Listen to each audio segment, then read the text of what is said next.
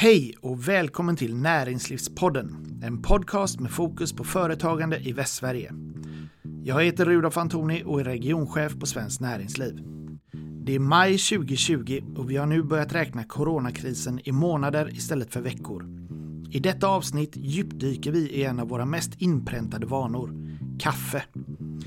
Det Karlstadbaserade drygt 100-åriga familjeföretaget Lövbergs är idag en av världens största importörer av ekologiskt och rättvismärkt kaffe och en ledande leverantör till hotell, restauranger och företag.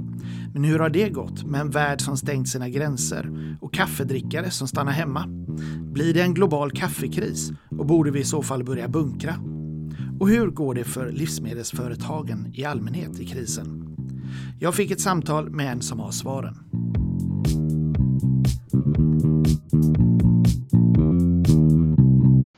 Ja, men då sitter jag här med Lars Appelqvist som är VD för Lövberg sedan 2008 och dessutom ordförande för Livsmedelsföretagen. Välkommen till Näringslivspodden. Tack så mycket, jättetrevligt att få vara med. Ja, jag tänkte att du kan, kan vi få börja med att berätta lite grann om, om dig själv. Du tog över för Lövbergs som sagt 2008, men vad, vad gjorde du innan dess? Du, jag var i tio år på Löfbergs. Jag började på Löfbergs 1998. Kom direkt från skolan så att det är det jag kan. Och det kan jag väl ganska bra då. Jag har fått gå en, en gick en väldigt bra skola inom Löfbergs och gjorde massa olika saker. Allt från försäljning till logistik och även produktion och inköp. Och fick en helhetsbild på, på verksamheten och gjorde det under tio år på olika sätt. Innan dess så kom jag från skolan. Så att, så han är en intern karriär ja. inom Löfbergs helt enkelt. Och rollen i livsmedelsföretagen, när tog du över den? Ja, jag tror jag kom in i livsmedelsföretagens styrelse 2009. Om jag inte minns helt fel. Och sen så var jag ledamot ett antal år och sen så blev jag vice ordförande och sen, sen då fyra år nu så har jag varit ordförande. Så att eh, förhoppningsvis så blir jag omvald nu på den digitala stämman som vi ska ha på torsdag här då för, för ytterligare ett år. Och eh, den digitala stämman, det är många som har ställt om eh, till digital kommunikation i dessa tider eh, av coronakris. Hur, hur har du själv ställt om ditt ledarskap och så under, under den här tiden? Ja, för det första så har man helt enkelt fått anpassa sig efter att få, få sköta det via digitala möten, väldigt få fysiska möten. Och det har ju blivit att vi kommunicerar väldigt mycket eh, med hela organisationen eh, via videokonferenser faktiskt. Så att, eh, kan, kan faktiskt tycka att vi har idag en, en tätare kommunikation med alla anställda faktiskt genom att vi varje vecka kör updates utifrån hur verksamheten går, vad som händer och få skapa den här känslan kring en, en gemenskap även om det inte ses fysiskt. Och det har ju faktiskt gjort att vi, vi träffas varje vecka oavsett om man är i England eller i Finland eller i, i Sverige. Så där har vi ställt om helt och hållet på det sättet. Alla ledningsmöten kör vi ju digitalt. Mm. Mm det, det som är utmanande det är ju att skapa, tycker jag, alltså hålla igång involvering och engagemang. Eh, det är lättare att sitta lite tyst eh, digitalt än när man sitter runt ett bord. Det är svårare att få dialogen att flöda tycker jag, spontana dialogen. Avrapportering och sådana saker går jättebra. Men ehm, det är lite utmanande.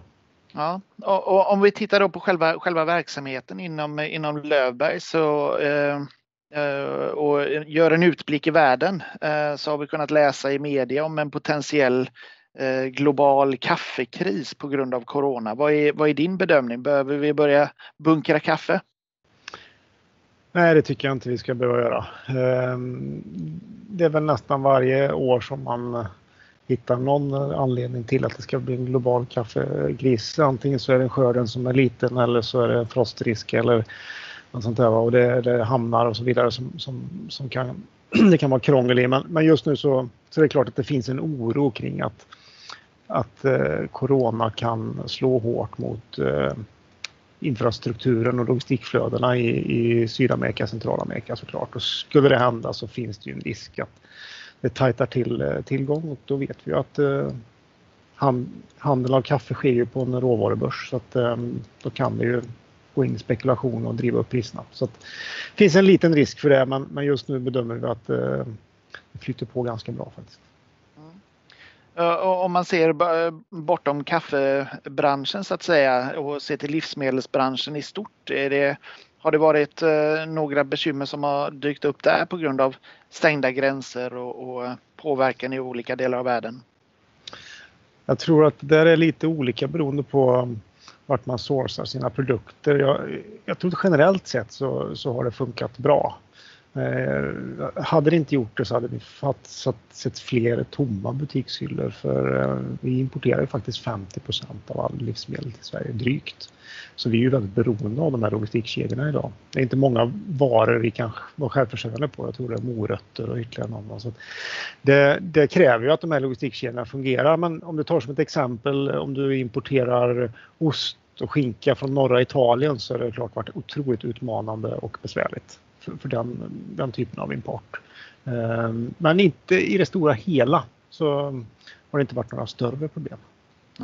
Hur, hur har ni sett eh, att eh, coronakrisen och karantän och sådana här saker har påverkat eh, er försäljning och, och efterfrågan? Ja, men vi har ju, vi har ju sedan länge och varit väldigt stolta över det, varit väldigt duktiga på att utveckla vår foodservice-affär. Den som eh, går, vänder sig mot allt kaffe som dricks utanför hemmet egentligen. Och det där har väl blivit vår otur i, i det här läget då. Eftersom eh, hotellnäringen är totalt nedstängd. Eh, restauranger, kaféer tappar 80-90 procent.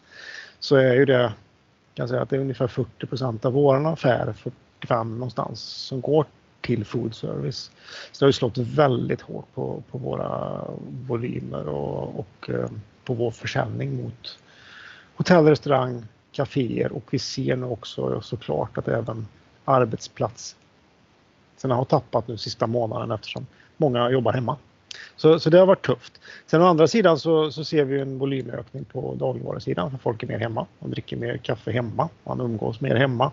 Um, det gör ju att man brygger väldigt mycket kaffe hemma faktiskt och det, och det märks. Men um, det slår ändå, för, för vår del så är det, så är det en ganska tuff period för att uh, vi har ju en, en uh, viss o, obalans marginalmässigt där så att um, vi kompenserar inte fullt ut då med, med uh, volymerna från dagligvarusidan. Men 2016 så eh, byggde ni ett stort eh, nytt höglager i eh, Välsviken tror jag det heter. Mm. Och nu, nu, har ni ett nytt projekt på gång där. Kan du berätta lite grann om det och, och hur status ser ut där? Jo, men det är så att vi, vi ehm, identifierade för ett, ett antal år sedan en, en, liksom en, en, en marknadstrend som handlar väldigt mycket om att man köper mer och mer eh, hela bönor, alltså inte malet kaffe. Och det sker både inom den professionella sidan eh, men även på, på privatsidan, konsumentsidan. Man köper mer och mer maskiner som maler hemma. Och det gjorde att vi ganska snabbt såg att vi kommer få en flaskhals i den kapaciteten. Och när vi skulle utöka den så insåg vi någonstans att inne i, i centrala Karlstad där vi ligger idag och legat sedan 1906 så så hade vi en begränsning att bygga ut den kapaciteten där för att det börjar bli ganska trångt. Det med boende i sjönära lägen och sånt där vi ligger har, har ju blivit ganska intressant. Så det har gjort att det har blivit trångt ner hos oss i inre hamn i Karlstad och mycket bostäder så då valde vi faktiskt att bygga och projektera en, en, en ny fabrik för hela böneproduktion eh, i, i, precis bredvid vårt höglager eh, utanför Karlstad. Då. Så det drog igång för några år sedan och nu har det pågått i ett antal, antal år här och tanken var att vi skulle kunna driftstarta det här i januari 2021. Byggnationen går enligt plan så att byggnaderna byggnaden är i princip, det yttre är färdigt. Nu ska det bara inre, inre inredning och kläs på insidan. Men däremot så teknikdelen då, allt som rör maskiner och den delen är försenat av, av lite olika skäl faktiskt. Både att det var en ganska tajt tidplan från början och lite problem för våra leverantörer i Europa att få delar från Asien har gjort att var en försening så att vi har faktiskt skjutit på driftstarten fram till juni någonstans 2021. Vilket utifrån läget just nu med eh, tajt med permitteringar som vi har gjort och lite fall i volym och sådär så, så känner vi väl att det var ganska, ganska rimligt att skjuta på ett halvår. Också likviditetsmässigt så blir det ganska bra. Så det är status på den, men den, den, den rullar på väldigt mycket enligt plan. Ett jättespännande projekt. Ungefär 25 procent av vår kapacitet vi då bygger för nytt och får en möjlighet att utöka den kapaciteten egentligen hur, hur mycket som helst med tilläggsinvesteringar framåt. Okej. Okay. I, I höstas så meddelade ni att eh, ni på, på, grund av Brexit eh, funderade på att eh, flytta delar av produktionen till Storbritannien. Eh, hur har eh, det påverkats av den senare utvecklingen? Ja, det har inte varit så mycket Brexit-diskussioner. Nej, den frågan försvann. Liksom. Ja, den försvann fullständigt. Ehm, men däremot så, så det, var, det, var, det blev lite rubriker på den där och det är klart att det, det är en del av vår produktionsvolym som vi funderade helt enkelt på att outsourca till eh, andra, andra rosteriaktörer i England för att komma innanför tull, tullområdet helt enkelt som skapas där. Då.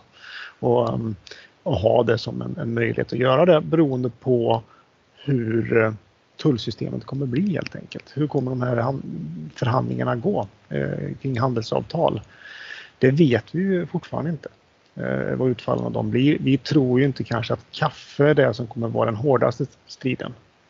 Utan det finns några andra livsmedel som till exempel som, som man har en primärproduktion av i England som kommer bli mycket tuffare. Mjölk, kött till exempel. Och såna saker. Så att, kaffe tror vi kanske kommer landa in under den allmänna eh, världshandelsorganisationens eh, regler och då blir det ganska då blir det inte så kännbara tullar i så fall. Så då kommer det inte här bli något större problem för oss. Det är vår känsla just nu då, eh, kring just Brexit, att vi ska kunna, kunna hantera den.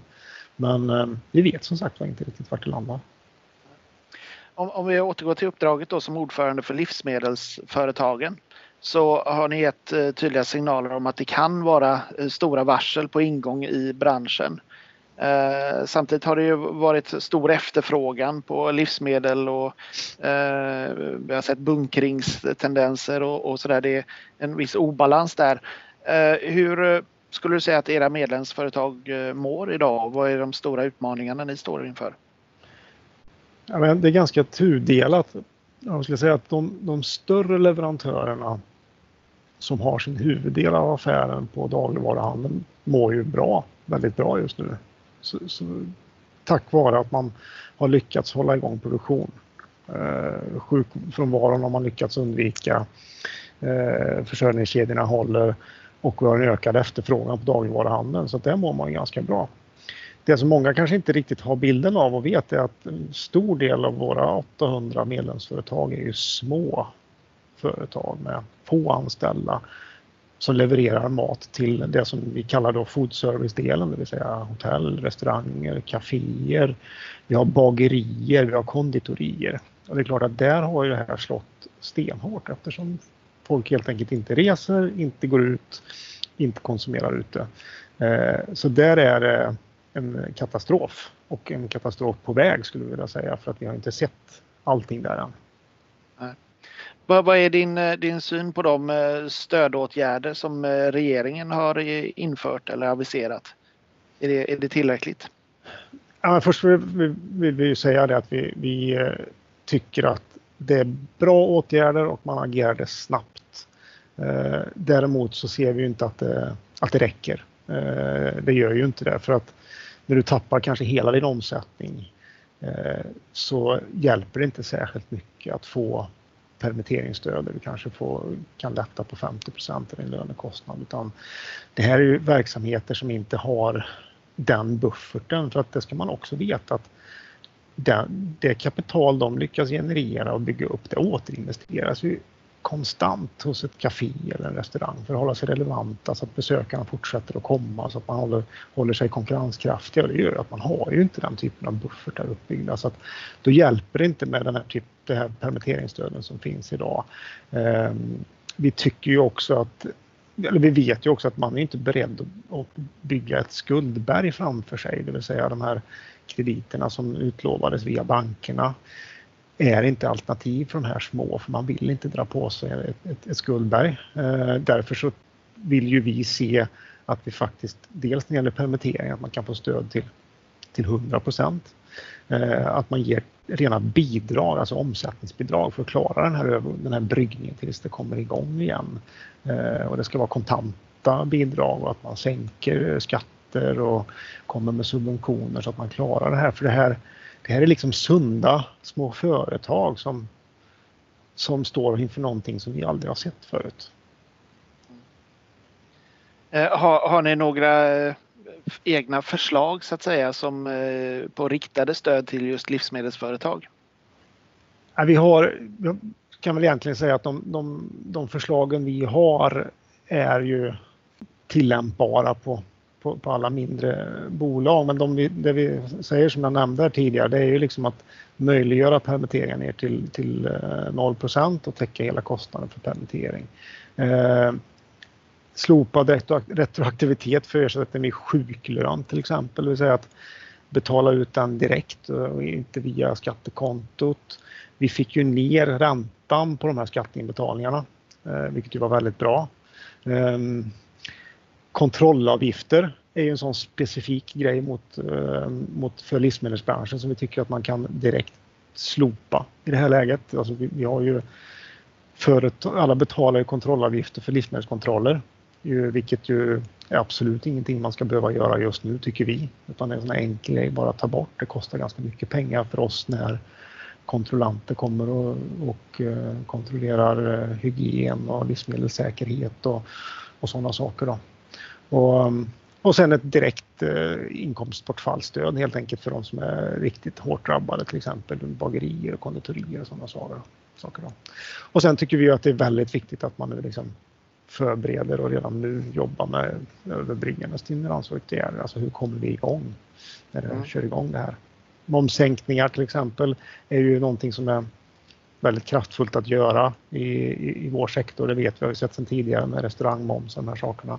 Eh, ungdoms sänkta arbetsgivaravgifter eh, när man sänkte för ungdomar till exempel var ju väldigt effektivt för, för våra restauranger och så vidare. Så att, eh, det finns en hel palett med förslag och vi har sju förslag som vi har lämnat till regeringen och haft en väldigt bra dialog och, och, och samarbete med regeringen. Men vi får ju faktiskt eh, säga det att vi tycker att det går för långsamt. Mm, mm. Ja, där är, är ju, eh, det är nog den, den, breda bilden skulle jag säga från, eh, från många håll. Mm. Finns det några exempel inom eh, livsmedelsbranschen på företag som har ställt om i det här läget? Och vilka förändringar har ni på Löfbergs gjort? Vi har väl egentligen gjort de klassiska sakerna som många har gjort där. Vi har, eh, vi har permitterat den delen som där, där helt enkelt behovet av arbetartid har gått ner. Vi, vi, har inte möjlighet att besöka alla kunder till exempel i den utsträckning vi har gjort tidigare. Så att där har vi permitterat, vi har sänkt aktivitetsnivån och de delarna vi har hållit igång vår produktion för volymen har ändå hållit i eftersom vi har sett en växling över till dagligvarusidan så, så ser, har vi haft, varit väldigt noga med att och hålla produktionspersonalen separerad från varandra och, och det har funkat väldigt bra. Vi har faktiskt lägre sjuktalen än vad vi brukar ha i en sån här period så det har varit bra. Um, sen har vi många bra exempel på, på företag i, i branschen som har ställt om på, på olika sätt, till exempel Absolut som började tillverka insats till eh, handsprit till exempel. Något företag som eh, gjorde skyddsutrustning, levererat matpaket till, till sjukvård och så vidare. Så det är många som har på olika sätt försökt dra sitt strå till stacken. Det vi gjorde på Löfbergs var att slå ett slag för de som inte kan gå ut och ta en fika på stan längre eller törs och vågar. Att vi levererade faktiskt fika hem i Karlstad till, eh, till de som, som önskade det. Jag väldigt ja. uppskattade. Det är sådana små saker. Det, det är liksom inte det är inte affärsgenererande på det viset eller intäktsgenererande men det, det är små, små saker som man kan göra för att liksom underlätta folks vardag lite grann. Mm. Du, du, har ju under, under, en ganska lång tid varit en, en relativt synlig person. Eh, du fick till och med utmärkelsen Årets superkommunikatör inom företag och näringsliv förra året, 2019. Och det har varit mycket i relation till hållbarhetsfrågor. Vad skulle du säga det här med hållbarhet betyder för dig? För mig handlar ju det om att göra affärer. Alltså det, det, är affärsnytta. Ja, det är affärsnytta egentligen. Och med rätt tidsperspektiv på sin affär så måste du ju driva dem hållbart. Och det är ju hela delen. Och för mig handlar det väldigt mycket om ett helhetsperspektiv. Liksom hela vår kedja, i den, vårt värdekedja, vårt ekosystem som vi, som vi befinner oss i så, så gäller det att vi är med och ser till att det finns en livskraft och hållbarhet i hela den här kedjan. Ända från odlarledet till konsumtionen egentligen. Då. Så det är liksom det holistiska synsättet och det vi pratar väldigt mycket om nu och tar nästa liksom steg in i, i, i omställningen, det är kring det cirkulära tänket. Att, alltså vi får inte nyttja mer resurser egentligen utan vi måste återanvända, återbruka material och resurser när vi innoverar och utvecklar nya produkter och material och sådana saker.